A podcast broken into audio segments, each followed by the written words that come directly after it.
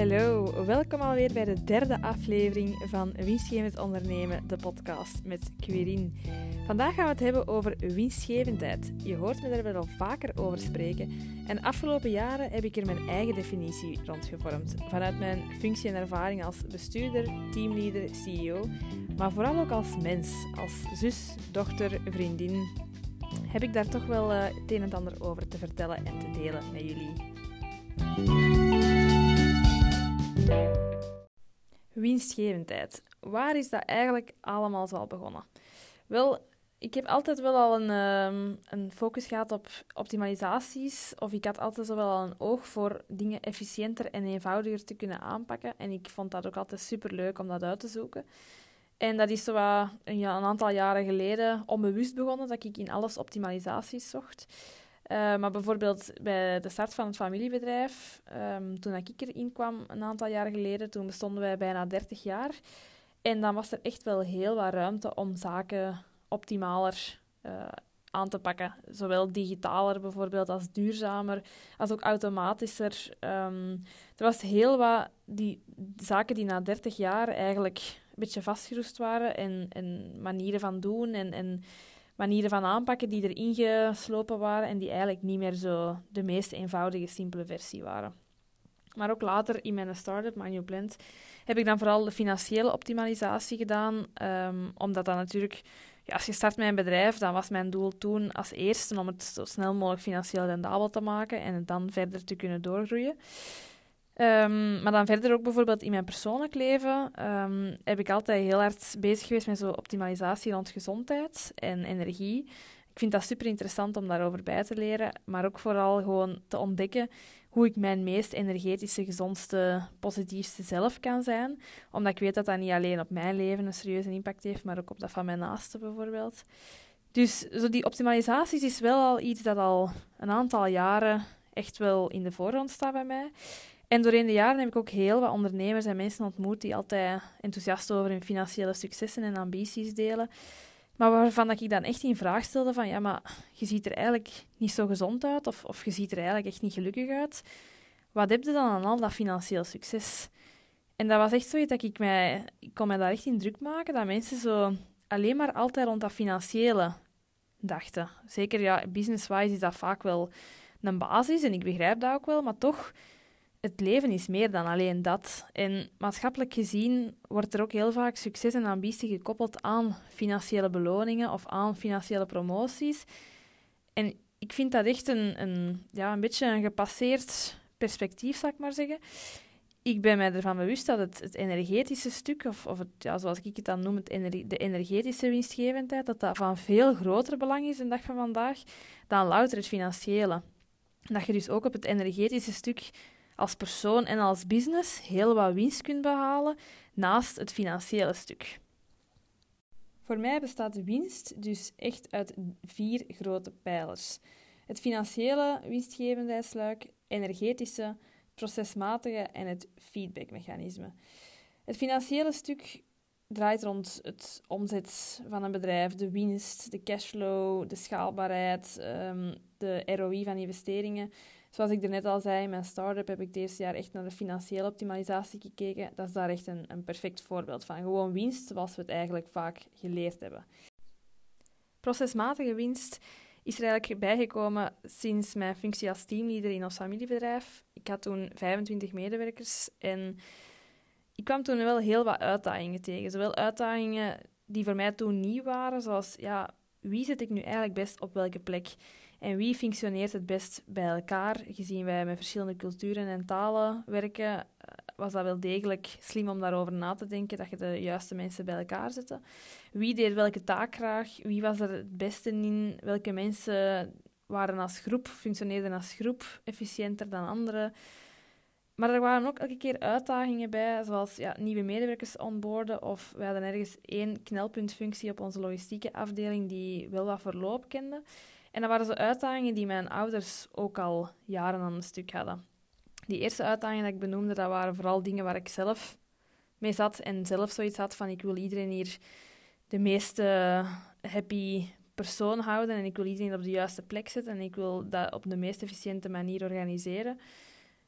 Maar dan die uitdagingen van die nieuwe medewerkers en die, die, dat verloop op die ene knelpuntfunctie, dat was echt wel zo'n uitdaging dat al lang speelde. En dat, dat kwam eigenlijk in mijn ogen vooral door het feit dat er niet genoeg helderheid was over processen en, en workflows in ons bedrijf. Het was niet duidelijk hoe dingen moesten gebeuren, hoe beslissingen moesten gemaakt worden, hoe bepaalde dingen moesten gevormd worden. En dat is echt wel iets dat ik ben beginnen uitschrijven, waarvan op die moment zelf brengt u dat absoluut geen winst en brengt u dat absoluut geen vooruitgang, want dat kost alleen maar heel veel moeite. Maar nadien beseft je wel echt hoeveel helderheid dat brengt voor iedereen. En dat, dat zit hem in heel kleine, stomme dingen eigenlijk, zoals bijvoorbeeld als we iemand nieuw onboorden, dat die een soort van handleiding of een booklet krijgen met zo de algemene regels. Bijvoorbeeld voor, voor onze klanten zoals IKEA waren er bepaalde regels in verband met water geven, in verband met stickers op de pot printen, in verband met um, afleverbonnen op de karren hangen en zo verder. En dat zijn wel zaken dat van begin af aan duidelijk gemaakt werden met prentjes, met uitleg in hun eigen moedertaal, waardoor dat, dat onboorden naarmate de tijd echt wel een stuk vlotter ging. Die knelpuntfunctie, dat was eigenlijk een beetje hetzelfde probleem. Dat, was een, een ja, dat, is best een, een drukke functie in de zin van dat is echt het laatste punt vooraleer alles vertrekt. Dus daar staan uh, een hele reeks chauffeurs voor uw neus um, te vragen achter al hun handel en wat naar waar moet en met de juiste papieren en de juiste stickers eraan. En dat is een heel administratieve kul geworden eigenlijk, om het zo te noemen. En dat is ook wel echt een, een functie waar je zowel handen aan je lijf moet hebben, omdat je daar praktisch karren moet verstapelen en een optimale indeling moet maken. Maar ook echt wel de brains moet hebben om, om in het computersysteem de voorraad en dergelijke te kunnen volgen en goed te zien welke bonnen aan welke kar moeten en welke stickers op welke pot moeten en zo. En dat was eigenlijk vaak een functie waar ook heel veel uitzonderingen mee waren. En doordat die nooit werden neergeschreven, was dat ook elke keer een nieuw begin als er iemand nieuw begon, om om dat allemaal uit te leggen en om dat allemaal opnieuw uit te zoeken. En dan heb ik daar ook dus een, een, workflow boek eigenlijk van gemaakt, waarin dat echt elke specialeke wordt benoemd, van printerinstellingen voor bepaalde stickers tot klantnamen, tot welke transportboxen er moesten gevuld worden of waar dat, dat moest afgeleverd worden en, voor, en verder. En dat was op den duur wel echt iets waar medewerkers mee meeleefden. Zo. Ik, ik was vooral bezig met zo elk, elk proces en elke workflow uit te schrijven. En op den duur waren die echt zo van, ah ja, ik weet niet, je moet deze nog aan toevoegen en, en dat moeten we nog, nog meedoen. En dan, als we dan deze nog eens proberen, dan kunnen we zien of het dan zo nog beter kan. En ik ben er echt wel van geschrokken hoeveel voordelen, niet per se op korte termijn, vooral op lange termijn, dat dat gebracht heeft om zo procesmatig alles een keer na te, na te kijken, na te gaan en te zien waar dat het efficiënter, sneller en beter en vooral ook aangenamer voor de medewerkers kan. En dat heeft op lange termijn toch echt gezorgd voor minder verloop, eh, een verhoogde omzet, happy medewerkers en vooral veel rust en helderheid. En betrokkenheid van medewerkers. Medewerkers voelden zich ook gezien en gehoord dat ze mee mochten nadenken over hoe het optimaler of efficiënter kon. En dat zij ook zelf met een optimale kijk naar hun eigen werkomgeving keken. Processen zitten hem ook in bijvoorbeeld customer journey of een bestelcyclus. Wat moeten we klant allemaal van stappen doorlopen om iets te kunnen bestellen? Of hoe werkt uw na-support? Zijn ook allemaal processen. In elk bedrijf is dat anders. Maar het loont wel de moeite om daar een keer naar te kijken. Het kan even goed zijn, bijvoorbeeld een heel stom voorbeeld, maar een wekelijkse meeting, dat dat iets is dat moeilijk gebeurt of dat vaak overgeslagen wordt of waar dat iedereen tegenop kijkt. Terwijl in principe, als je die reduceert tot bijvoorbeeld vier vragen die moeten gesteld worden, waarop je dan allemaal een antwoord geeft, dan is dat heel helder en heel duidelijk. We moeten die meeting doen, er moet gewoon op die vier vragen geantwoord worden en dan kan iedereen terug verder. In plaats van we moeten eens een vergadering doen over sales of we moeten eens een vergadering doen over operations, dan begint je aan iets en dan begint je een hele uitleg en dan zijn je voordat je het weet een uur verder en iedereen is moe en lastig en eigenlijk heb je daar allemaal geen tijd voor. En dan kun je dat misschien heel simpel oplossen door gewoon in een documentje de vier meest gestelde vragen of de vier vragen te stellen die dat eigenlijk nodig zijn om een antwoord op te bieden tijdens die meeting. En gewoon zo eigenlijk je workflows of je processen te versimpelen. De derde pijler van winstgevendheid is energie, ofwel energetische winstgevendheid. In mijn ogen de meest onderschatte vorm van winst in een bedrijf, maar ook voor een persoon. Dat gaat omtrent je, happiness level. Uh, hoe excited bent jij nog regelmatig over de dingen die je doet? Uh, hoe zit het met je stressniveau? Hoe ziet jij de impact die je maakt? Uh, en bij gevolg, welke voldoening haalt je daaruit? Want voldoening is vaak gerelateerd aan de impact die je kunt maken. Hoe energiek voelt jij jezelf? Hoe fit en gezond zit jij in je vel? En hoe kunt jij bijvoorbeeld ontspannen? Als teamleader ben ik daar heel veel mee bezig geweest, omdat ik dat echt een focus vond om mijn medewerkers zo energiek mogelijk te kunnen inzetten. Omdat ik ook wel echt geloof dat hoe happier en hoe energieker uw medewerkers zijn, hoe meer winst je in het algeheel met je bedrijf kunt halen. En dat is zowel energie-wise, dat je geen, niet al te veel problemen en ruzies en discussies hebt, maar evengoed ook financieel. Het is aangenamer om met leuke en happy medewerkers te werken, zowel voor je klanten als voor jezelf als voor onderling. En ik ben daar toen dus veel mee bezig geweest. Ik weet nog dat mijn ouders toen echt zeiden van, je moet er allemaal zoveel tijd niet in steken, want ja, je kunt dat niet bepalen voor iedereen. En dat is ook wel zo. Er zijn mensen die thuis nog van alles meemaken of naast hun werk nog van alles hebben waar wij geen vat op hebben. Maar ik heb wel beseft door, door vragen te stellen en door daarmee bezig te zijn en mensen daarin te betrekken van hoe, hoe voelt jij je en um, waar, wat ziet jij je graag doen of wat doet je graag of wat doet je minder graag of met wie werkt je graag samen en met wie niet. Door daar toch mee bezig te zijn, dat mensen toch wel de bewustwording kregen dat ze daar zelf de controle kunnen overnemen en vooral ook dat dat toch wel meer impact maakt op de groep dan dat ze zelf denken. En bij Manio Plant, eh, in mijn eerste start-up, had ik na anderhalf jaar zelf zo een super winstgevend financieel jaar, maar zelf zo wel een energiediepje en zo het idee van, is, is deze het nu? Of, of was dit nu eigenlijk waar ik inderdaad naartoe aan het streven was? Doe ik dit eigenlijk wel graag? En vooral past dat bij mij als persoon? Ik deed van alle operationele zaken die eigenlijk niet bij mij als persoon pasten, die dan eigenlijk ja, een beetje een must werden, waardoor zo mijn eigen talenten en kracht niet voldoende konden ingezet worden en ik mij eigenlijk qua voldoening niet echt goed voelde. En ik denk dat dat vooral een heel belangrijk is om regelmatig eens op terug te kijken van energetisch, hoe ziet jij zelf? Hoeveel energie krijg jij zelf van de zaken dat je doet? En hoe zit dat bij je medewerkers? Want dat is echt wel een onderschatte vorm van lange termijn winst, om dat toch regelmatig een keer up-to-date te houden en eventueel met kleine zaken ook weer te kunnen bijsturen. De laatste pijler van mijn winstgevendheidsvisie is feedback. En dat geldt zowel voor feedback van werknemers als van klanten, als feedback op jezelf, dus een zelfreflectie om je zelfkennis te verhogen.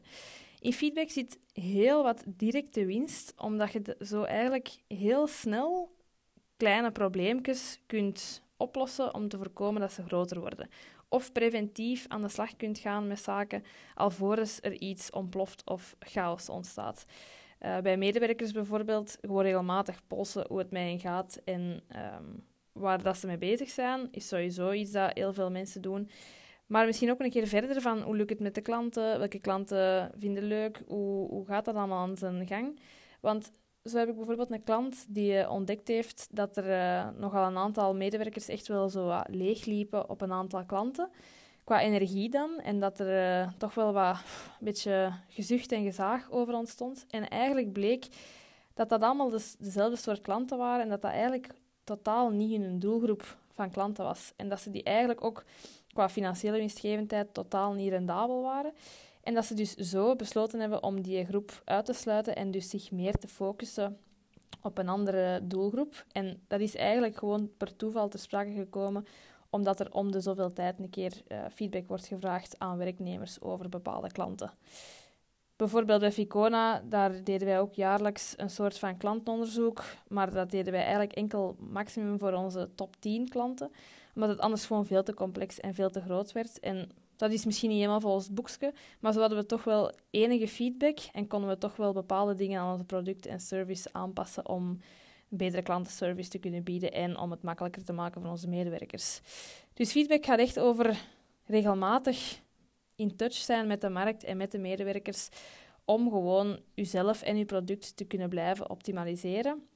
Maar ook aan zelfreflectie. Zelf eens een keer stilstaan van wat gaat er hier goed, wat gaat er hier minder goed, waar verliezen we heel veel tijd en energie mee, of, of waar verliezen we heel veel geld mee, wat zijn de dingen die hier vlot lopen, wat zijn de dingen dat we eigenlijk eens anders zouden moeten aanpakken.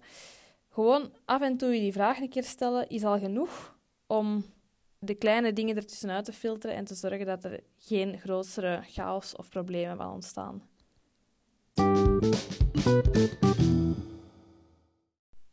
Zoals je dus gemerkt hebt, bekijk ik winst wel heel wat breder dan louter het financiële. Ik geloof ook echt dat als je op die vier pijlers werkt en regelmatig checkt wat er daar efficiënter en beter kan, dat je op lange termijn ook echt veel winstgevender wordt, zowel als persoon als voor je medewerkers als je business in totaal.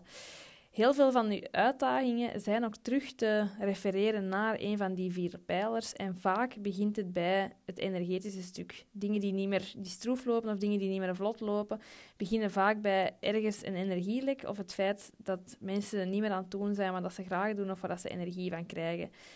Die pijlers die evolueren ook doorheen de jaren, net als uw energie, maar daar af en toe eens terug naar kijken om uw totale winstgevendheid onder de loep te nemen, is zeker en vast een goed gedacht. Ik sprak hier nu vooral over het, het bedrijfskundige of het, het zakelijke stuk van winstgevendheid. Maar ik heb ook verteld aan het begin van de aflevering dat ik het ook, ook als persoon heel erg interessant vind om af en toe mijn totale winstgevendheid een keer onder de loep te nemen. Want ook als persoon kunt jij op een niet winstgevende manier functioneren, in je leven. Bijvoorbeeld het financiële stuk kunt je dan toepassen op wat is uw doel. Soms streven we naar iets zonder te beseffen waarom. En vaak ook altijd in de vorm van meer. Maar dan kun je ook een keer afvragen, is dat nodig? En hoe zit mijn kosten- en inkomstenstructuur? Kan ik bepaalde keuzes maken of dien ik bepaalde opofferingen te maken als ik dat doel wil bereiken? Qua energie, um, ja, hetzelfde eigenlijk. Vooral uw happiness en hoe fit en hoe gezond voelt jij u. Hoe zit het met je stressniveau? Heb je lichamelijke klachten waar je eigenlijk wel eens iets moet aan doen? Of laat je dat gewoon links liggen en probeert je wel verder te ploeteren? Doet je wat je graag doet? Doet je wat je goed kunt? Dat zijn allemaal vragen die volgens het energetische stuk worden opgelost. En waar heel vaak wel wat antwoorden schuldig blijven of, of antwoorden niet duidelijk zijn, waardoor al de rest van de winstgevendheid nooit optimaal kan gebeuren. Het procesmatige daarin als persoon kunnen we vergelijken met bijvoorbeeld je gewoontes en je automatismes. Welke dingen doet je echt uit gewoonte en welke dingen doet je omdat je ze graag doet of omdat je ze echt wilt doen? Want heel veel dingen zitten in een gewoonte, daar denken wij niet meer over na. En dan kun je wel eens afvragen, dient mij die gewoonte of niet? Heb ik daar iets aan of niet? Haal ik daar iets uit of niet? Bijvoorbeeld bewust kiezen voor een gezonder leven of te sporten s morgens. Of is het toch maar de gewoonte om te snoezen? En wie wilt je bij gevolg zijn? Dient u die snoesgewoonte of dient u die gewoonte dat je toch eens een keer naar buiten gaat of toch eens een keer iets klein doet van beweging om de rest van de dag energie uit te kunnen halen. En dan als laatste het feedback-luik is ook vooral de zelfkennis opdoen. Leer over jezelf, ontdek je eigen talenten, ontdek je eigen uh, krachten en uh, zwakheden om echt te kunnen doen en te kunnen zijn wie dat je wilt zijn in het leven. Je kunt dat ook doen aan de hand van andere mensen, of, of mensen die je een spiegel voorhouden, of mensen die eens meekijken naar wat ze u allemaal zien doen. Maar vooral leer over jezelf. Leer jezelf beter kennen en leer ontdekken wat u dient en waar dat jij energie van krijgt. Want dat is hetgeen wat uiteindelijk op het einde van de rit alles overheerst. Als jij uw fietste en gezondste en bijgevolg uw meest winstgevende persoon bent, dan zal al de rest ook wel mee in zijn plooi vallen.